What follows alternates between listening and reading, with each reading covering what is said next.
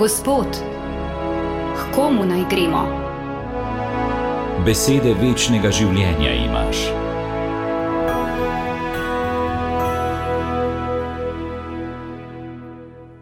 Spoštovane poslušalke, spoštovani poslušalci.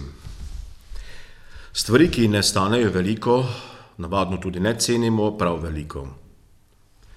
Kar nas skoraj nič ne stane, navadno tudi ne pritegne naše pozornosti. Tako nimamo običajne kuhinjske soli, ki jo dobivamo v vsaki trgovini živili, le za nekaj malega drobiža, za nekaj zelo dragocenega. Če pa je slučajno zmanjka, pa je naša kulinarika kar načeta in ogrožena. Lahko so jedi še tako okusne, brez soli so puste. Sveda to velja za zdrave ljudi. Kdor ima težave s krvnim tlakom, pa ima svojo zgodbo o soli in hkrati tudi omejitve pri njenem vnosu v prehrano.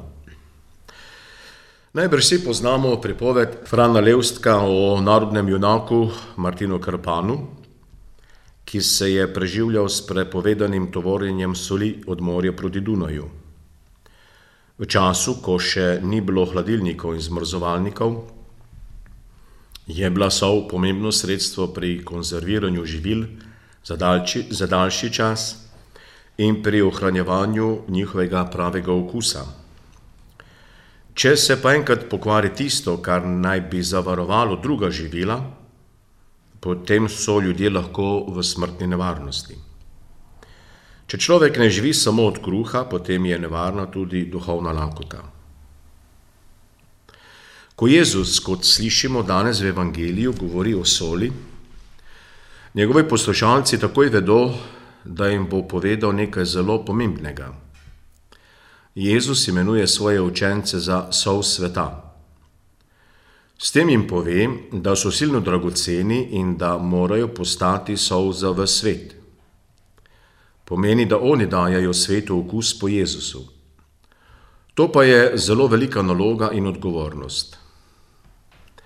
Če bi oceani bili brez soli, bi življenje na našem planetu propadlo. Če kristijani ne bi bili več sol, ki daje svetu okus po Jezusu, bi naša zemlja postala planet barbarov. Tam, kjer je že zmanjkalo okusa po Jezusu, že prevladujejo sprijenosti vseh sort. Lahko bi rekli, da se je pojavila sprijena sol. Kako to ozdraviti in v takšno okolje zopet vrniti okus po Jezusu? Že veliko časa vemo, da so majhne skupine po župnijah in drugih crkvenih skupnostih tista sol, ki veliko obeta.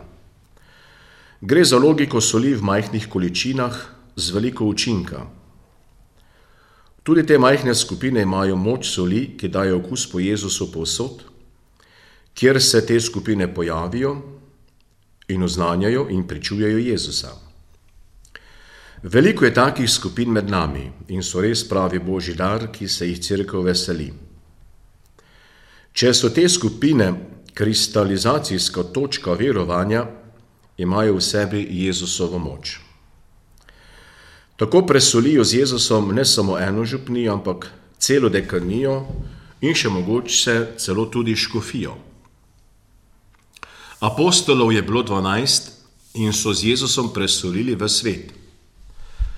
Katoličanov je po svetu več kot milijarda dvesto milijonov. Z Jezusom bi lahko presolili zelo veliko zemelj. Pa nam ni treba, ker imamo samo eno. To je dovolj.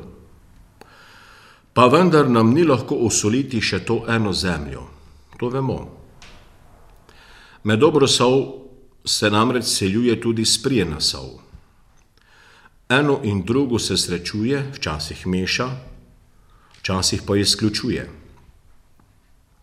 Sinoda, ki jo sedaj obhajamo, odkriva, kaj vse je dobra sol med našimi crkvenimi občestvi in kje vse je slaba.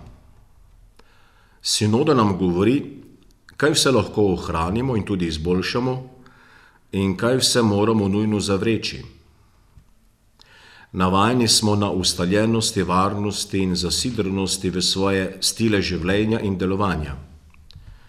Sinoda pa je prebuditev in ozdravitev v svetem duhu.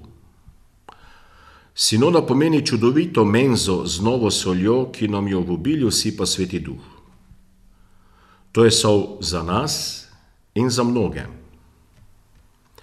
Ko bomo kuhali nedeljsko juho in vanjo sipali sol, malo pomislimo tudi o sebi. Kakšna sinodalna sol smo in kako bi jo lahko še bolj izboljšali, da bi imela takšen okus po Jezusu, ki bi se ga želeli okusiti tudi tisti, ki so že zdavnaj izgubili okus po njem. Pa Bog žegnaj vsem. Pazite, da bo nedeljska juha za vse primerno okusna. Za ene bo najbrž potrebno malo več soli, za druge malo manj. Za žlico je prej potrebno malo poskušati, preden gre juha v jušniku na mizo. Pa ne vsi, samo eden.